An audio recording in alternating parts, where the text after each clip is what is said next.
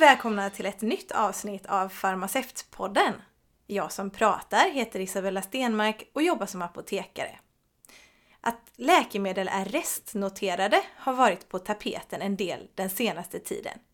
Det är inte bara något som farmaceuten diskuterar med kunden och med förskrivaren dagligen, utan problemet med restnoterade läkemedel har även belysts i media.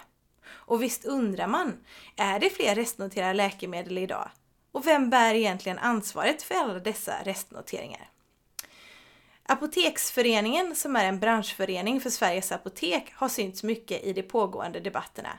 Och nyligen publicerade det en rapport där det beskriver och förklarar hur det egentligen är med tillgängligheten av läkemedel på svenska apotek.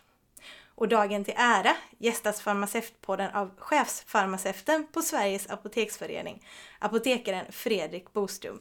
Varmt välkommen till Farmaceutpodden Fredrik! Tack så mycket! Och eh, tanken är att vi ska prata om restnoterade läkemedel och tillgänglighet av läkemedel idag. Men eh, jag är alltid så nyfiken att få veta varför man har valt att läsa till farmaceut. Så att du får jättegärna berätta lite om dig själv och varför du valde att bli apotekare. Ja, eh, det är ju några år sedan eh, som, som det var aktuellt, men eh, som kanske de allra flesta så där när man går mot slutet av gymnasiet så börjar man ju tvungen att fundera på vad ska man bli när man blir stor. Eh, och då var det faktiskt så att det var ett inslag på Aktuellt. Jaha. Tror jag det var. Eh, ja, om att ja, men det, det kommer eh, finnas bra med jobb som eh, apotekare och receptarie. Eh, för just nu är det på väg att bli brist. Så det var första gången egentligen som jag överhuvudtaget uppmärksammade det yrket. Men då förstod jag ju ganska snart att ja, men det där är ett yrke där man, ja, dels var det lockande med att det var en, alltså en yrkesexamen som sådan, mm. man blev verkligen någonting. Eh, och sen hade jag ett intresse för naturvetenskap och som generellt och kanske även kemi med mm. specifikt. Så då kändes det som att ja, men det där är någonting att, att satsa på. Så det var en slump att jag råkade se det där på, på TV och sen så fick upp ögonen för det. Så annars hade det kanske blivit något helt annat. Ja, men vilken tur ändå. Ja. Hmm. Det är så intressant för det, det, är många som har stött på det typ på gymnasiet eller någon annan man har sett upp till som har tipsat om det och sådär. Så det, det, är väldigt intressant hur ja, sånt kan påverka ens livsval. Mm. Och du eh, jobbar ju för Sveriges Apoteksförening. Vad är det för någonting? Eh, Sveriges apoteksförening är en branschförening eh, där alla Sveriges apotek är medlemmar. Mm. De allra flesta ingår ju i någon större kedja, så det är ju kedjan som är mm. medlem. Eh, eller så är man ett fristående apotek och då är man oftast medlem i det som heter SOAF, Sveriges oberoende apoteksförening. Mm. Men SOAF är också i sin tur medlemmar i Sveriges apoteksförening. Så på det sättet representerar vi alla apotek. Mm. Och kortfattat så jobbar vi för att det ska vara så bra förutsättningar som möjligt för att bedriva apotek i Sverige. Och ja, så, så det är det och det är många olika aspekter på det. Eh, och mitt uppdrag är framförallt att det ska vara så bra förutsättningar för farmacin och farmacikopplad verksamhet i Sverige egentligen. Då. Är det roligt? Ja, jag tycker det är roligt. Det är ju mycket kontakter med de myndigheter eh, som reglerar oss. Det är mm. mycket att läsa, tråkiga utredningar och regler, men det, det brinner jag för. Eh, och sådana saker. Och eh, det är väldigt roligt faktiskt att få vara i den här positionen där man inte behöver bekymra sig så mycket över liksom, konkurrensen mellan medlemmarna. Det får de sköta. Utan när jag möter medlemmarna då samarbetar vi i frågor där som vi kan samarbeta kring och då blir det att man får jobba med kollegor över hela branschen om saker som utvecklar hela branschen. Och det är ju väldigt spännande tycker jag. Ja, det förstår jag. Vilken kompetens verkligen som samlas då. Ja, det är det. Det, det är faktiskt en, eh, om, om, man jämför med många andra branschföreningar så tror jag att vi har det ganska väl förspänt. För det är rätt många saker som är gemensamma mm. och där det inte är konkurrens. Så det gör att man kan samarbeta om väldigt många frågor faktiskt. Mm.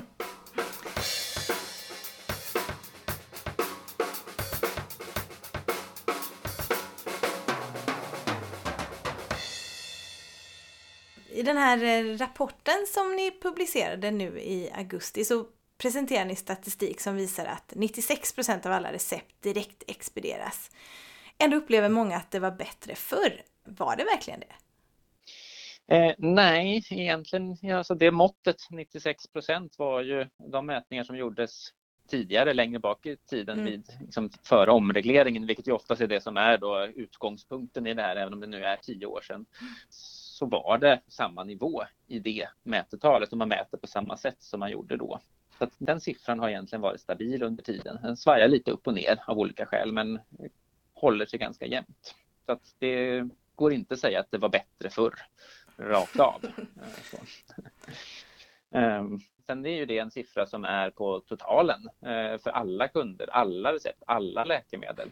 Uh, och det är klart att för enskilda individer kan det ha förändrats under åren mm. av olika skäl. Så man kan inte få människor deras upplevelse och deras bild av saken heller. Och en, en del av det ingår ju också att de som var patienter för tio år sedan och är patienter idag är inte så många utan det är och de som är patienter idag är de allra flesta kanske inte patienter för tio år sedan och jämför egentligen inte med ett dåläge utan de jämför med vad de, ett önskat läge. Mm. Eh, och det är bra att man vill att det ska vara ännu bättre på apoteken. Det är bra med höga krav från kunderna och att man måste jobba för att leva upp till dem. Absolut. Och jag tänker på den här eh, rapporten för de lyssnare som inte har eh, läst den. Varför gjorde ni den och är det någonting mer du skulle vilja ta upp ur den? Ja, alltså, vi, vi tog ju fram den här rapporten utifrån att när det blir frågor om rester eller när det blir frågor om vad som helst egentligen vad det gäller apoteksmarknaden, då landar det helt plötsligt alltid i liksom, frågan är, finns verkligen läkemedel på mitt apotek? Jag upplever att det har blivit sämre. Mm. Eh, och så vet vi att ja, det kanske inte är, har blivit sämre och det är inte så enkelt. Det finns väldigt många parametrar som, som både gör att det är väldigt svårt att ha en hög servicegrad eller direktexperiensgrad. Och vi vet att apoteken är bra på att lösa det. Så att tanken med den här rapporten är att visa på hur komplext och svårt det är och samtidigt hur bra som apoteken jobbar med frågan idag. Så mm. vill man lära sig om hur apoteksmarknaden fungerar vad det gäller försörjning av varor till apoteken, då är det en jättebra rapport, tycker jag, som har skrivit den. Men eh, det har jag även hört från, från, även från de som faktiskt redan jobbar i branschen och som kanske inte jobbar ute på apotek men som jobbar med andra frågor på apoteksföretagen och våra medlemmar. Ja, men vad bra, nu förstår jag äntligen hur det faktiskt ser ut. Mm. Så att eh, även om man jobbar på apotek och är fullt uppdaterad på hur det är med parallellhandel, generika, jordens vara, hur distributionssystemet ser ut, prislager och andra, så finns det många andra som faktiskt jobbar nära en som inte vet det här, som man mycket väl kan rekommendera att läsa rapporten. Mm. Ja, jag har läst den. Jag tyckte den var intressant. Mm. Särskilt eh, det här med tillgängligheten, alltså hur det presenterades och så. Det tyckte jag var läsvärt. Mm. Roligt att höra. Ja.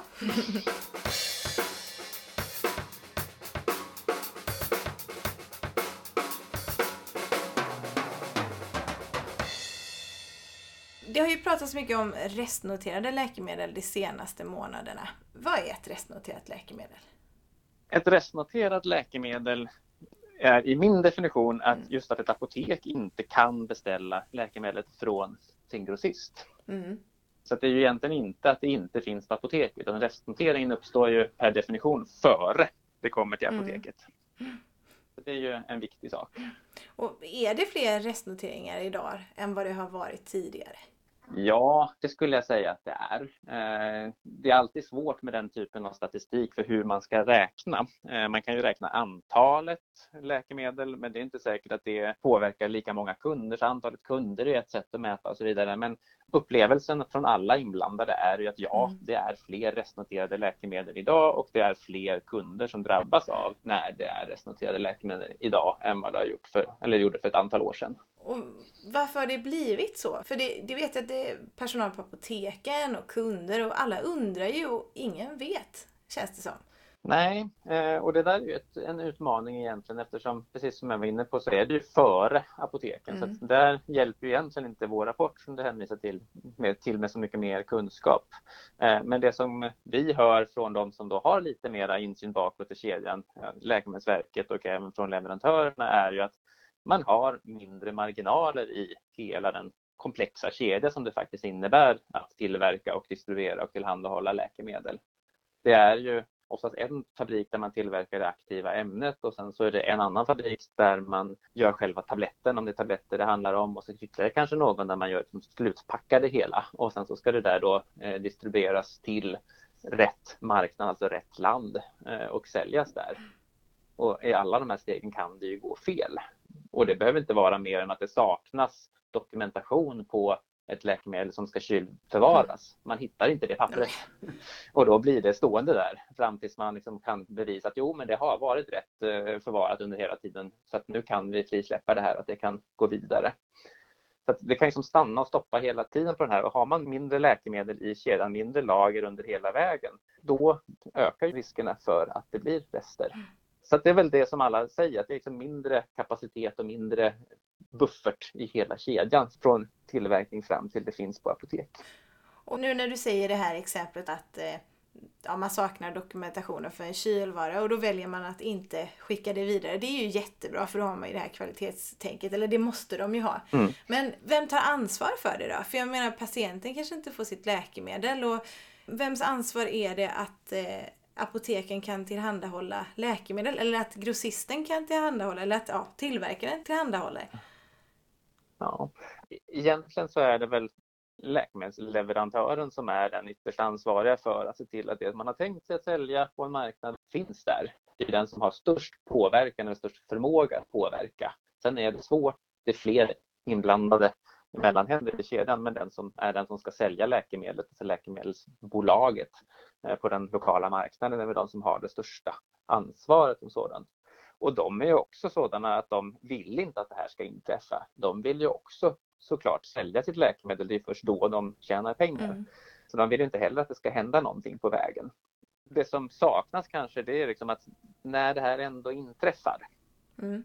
när man sen ska lösa problemet, då kommer man i, i, nästa skede som att man inte vet riktigt vem är ansvarig eller vem har och kan styra över den information som krävs för att man ska lösa problemet. För oftast handlar det ju då ute på apotek att lösa problemet. Ja. Det går inte att beställa läkemedel A, men det kanske är möjligt att få en dispens för en utländsk förpackning eller ett licensläkemedel. Eller så ska man byta till något helt annat läkemedel. Vilka alternativ är det man ska gå på? Vad är det bästa alternativet egentligen? Den informationen och den styrningen finns inte idag riktigt. Eh, och det saknas information för att man ska kunna ta bra beslut kring till exempel hur lång tid mm. förväntas det vara rest egentligen. De datumen ändras oftast hela tiden. Ja, det, det kan man säga. ja. Och jag då, jag hade ju gärna velat veta varför det restar. Alltså, I och med att det kan vara så många olika skäl. Mm. Och kunden vill veta det. De frågar ju och, och särskilt när de frågar om det är något fel på läkemedlet. Är det någonting som har blivit eh, fel? Får man inte använda det längre? Ska det försvinna? Då, då blir det ju också så här, då skapar man ju oro helt i onödan. Mm. Och, och, det blir ju mycket mer hantering också med, ja. det som du säger, att eh, det här med dispensförpackningar, fast det sköter Läkemedelsverket. Mm. Men om man ska föreslå någonting annat.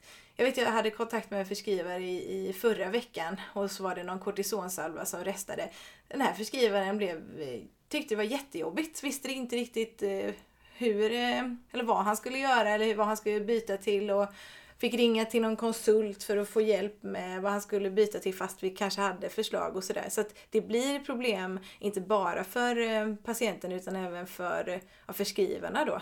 Som inte alltid har koll heller på att läkemedlen är restnoterade. Nej, så är det. Och det är ju någonting som eh, ett önskemål som är, är ganska tydligt från läkarkåren också, att man i sina journalsystem faktiskt ska ha den här informationen.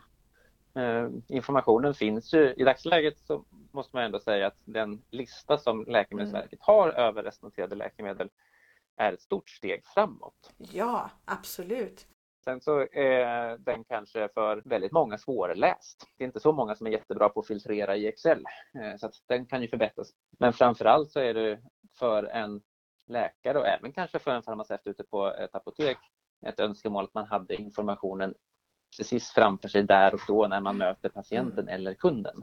Och då behöver ju det komma in i respektive journalsystem eller receptexpeditionssystem. Och där återstår det en hel del att göra innan man är där. Mm.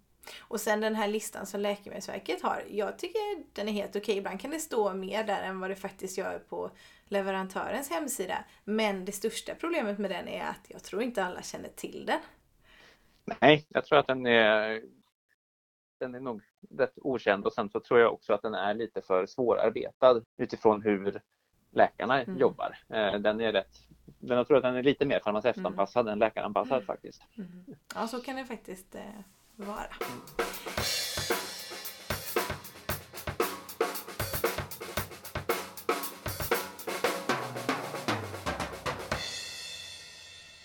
Har ett läkemedelsföretag en skyldighet att rapportera varför ett läkemedel inte finns att få tag på? Eh, de är skyldiga att rapportera att det inte går att få tag på liksom. mm. och även när det finns en risk för det. Det är ju eh, mm. reglerat. Jag måste säga att jag vet inte i vilken mån de är skyldiga att även tala om varför egentligen. Det, de får jag passa på. Mm, ja. Eh, men de är skyldiga att egentligen till Läkemedelsverket anmäla risk för och faktiska rester som uppstår. Eh, och det har egentligen, det är ingen förändring som har gjorts men det, där har ju Läkemedelsverket skärpt upp den efterlevnaden hos leverantörerna och sett till att de börjat göra det. Det är därför de har kunnat liksom, ha den här listan eh, de senaste åren. Innan dess så var det svårt dessutom att rapportera det för man skulle skicka in en, i en Word-mall tror jag nu kan man göra det mhm. elektroniskt. Mm. Så de har ju förbättrat möjligheterna att anmäla. Så att, att det inte finns måste de anmäla men varför är jag lite osäker på om de faktiskt måste tala om. Kan ett eh, läkemedel vara restnoterat hur länge som helst? Ja, uppenbarligen kan ju det. mm. eh, nej men det finns ju också en viss problematik i att alltså när det gäller saker som man faktiskt från läkemedelsleverantören har bestämt sig för att inte tillhandahålla egentligen i Sverige så finns oftast registreringarna kvar och det kan ha att göra att man slutar med vissa förpackningsstorlekar mm. men en, en förpackningsstorlek finns kvar och då är det rent tekniskt så att liksom själva godkännandet finns ju kvar och sen så tycker man att ja, då behöver man ta bort den där men kanske kommer tillbaka med en förpackning eller så. Mm. så det är inte alltid som de här registren är helt uppdaterade, liksom varuregistren kring vad som faktiskt är avsikten ens igång att finnas på den svenska marknaden. Och det finns ju inget krav egentligen på att bara för att ett läkemedelsföretag någon gång har forskat fram ett läkemedel att de sedan måste sälja det egentligen till vilken marknad som helst. Utan det är ju kommersiella bolag som väljer själva vart de vill sälja sina läkemedel och sina produkter. Mm. Ja, det kommer jag ihåg att en, en kvinna jag intervjuade innan hon sa det att eh, läkemedelsbranschen det är ingen välgörenhet. Det, den finns till för att liksom, generera pengar. Ja, jo, nej, men så, mm. så, är det ju. Eh, det är klart att det är det. Samtidigt har ju de eh, på samma sätt som egentligen vi farmaceuter som jobbar inom apotek och apoteksföretag också har ju självklart någonstans en, en en etisk mm. moralisk syn på det hela också och har man som affärsidé att forska fram läkemedel mot svåra sjukdomar då har man ju det med sig. Så att, jag skulle nog ändå vilja milda den lite grann att nej, det är ingen välgörenhet men man har ändå en, eh, man är i den branschen för att man vill gott. Ja, det är väl klart. Ja.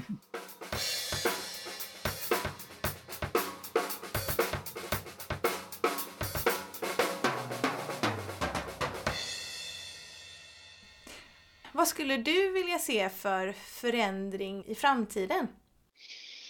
Just vad det gäller restnoteringen? Ja, eller läkemedelstillgänglighet och mm. apotek. Ja, det var, det var ju den stora frågan. Vi kan ju börja med den lilla då vad det Aha. gäller eh, restproblematiken. Så mm. där är ju egentligen de allra flesta överens om att just att det behövs någon mer, eh, någon som har koll på läget. Troligtvis mm. kanske via Läkemedelsverket som kan ha koll på informationen och kan hjälpa till med information om sådana här saker som vad bör man i första hand ta istället. I dagsläget är det ju upp till respektive apotek och apotekskedja att börja jobba med det och även respektive region. Alltså ja. våra 21 regioner själva måste börja jobba med frågan. Ja. Så att, mer information, mer samordning eh, och eh, det här att sprida den information som redan finns direkt ut i journalsystemet. Det är liksom den första delen. Sen vad det gäller tillgänglighet i stort till läkemedel, då går vi in på väldigt svåra saker. Mm. Eh, då går vi in på hur mycket man vill betala för läkemedel på olika marknader, hur periodens vara-systemet ska fungera, vilken subvention som ska vara, eh, vilka priser som läkemedelsbolagen kan ta ut för sina produkter kommer påverka. Mm. Så det är en global marknad det här. Samtidigt vet vi att vi har det ganska bra i Sverige. Vi har hög betalningsvilja. Vi betalar ganska mycket för läkemedel även om periodens vara-systemet ser till att vi håller låga priser. Så det är en mycket svårare fråga kring hur man ska lösa det. Men det kräver ju troligtvis investeringar i life science och forskning och en betalningsvilja och en vilja att satsa på läkemedel som en stor insats i sjukvården. Och där kommer man väl även till det sista vad det gäller då apotekens utveckling, att man ser apotekens bidrag till en god läkemedelsanvändning och är villig att satsa från samhället, alltså att ge tillräcklig ersättning för det apoteken gör och att det finns möjlighet att utveckla apoteksverksamheten till fler tjänster och inte bara vara den som distribuerar läkemedel utan faktiskt tar hand om läkemedelsbehandlingen för patienten i större utsträckning. Mm. Och jag tänker på det här med när du sa med tillgängligheten och betalningsviljan och så. Det, det går ju ibland rykten att eh, Sverige är en så liten marknad och att eh, vissa företag väljer att inte leverera till eh, Sverige för att ja, säga en annan marknad är större. Ligger det någon sanning i det? Eh, det vågar jag faktiskt inte säga någonting om. Men man kan säga så här, ja, Sverige är en liten marknad. Samtidigt vägs det upp av att vi faktiskt är ett rikt land mm. och kan betala. Så att eh, båda de sakerna som hjälper ju, både hjälper och mm. hjälper. Mm. Men det är klart att en liten marknad som inte har så stor volym av svenska förpackningar med svenska bipsedlar och blir en större produktionsstörning så kanske det av flera skäl är så att man väljer att satsa på ett större land när man får igång produktionen igen. Mm. Ja, inte bara för att man betalar lite eller att det är en liten marknad utan att det är bättre att satsa på att göra de stora bulkkörningarna först mm. innan man går över till de mindre marknaderna. Att man ligger sist i, liksom, produktions, i, i, produktionen på något sätt där. Mm. Det dröjer lite längre tid. Ja, ja spännande. Mm. Ja, men eh, jätteintressant att eh, höra mer om eh, ditt jobb och lite uppdatering om restnoteringar och vilken tillgänglighet vi faktiskt har på apoteken. Så stort tack Fredrik att du har tagit dig tid att vara med i Farmaceutpodden och berätta om det här för oss. Jag tycker att det ska bli spännande att se vilka förändringar och förbättringar som kommer att ske i framtiden och jag tycker det är bra att vi vågar börja ställa krav. Mm. Tack till alla er som har lyssnat och ni vet väl att ni kan följa Farmaceutpodden på Instagram och på Facebook och lyssna gärna via Spotify. Sköt om er och ha det så bra tills vi hörs igen. Hej då! Hej då!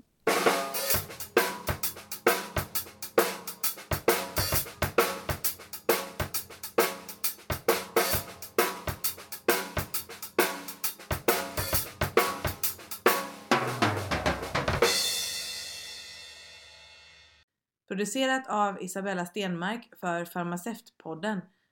Trummor Fredrik Podgorski.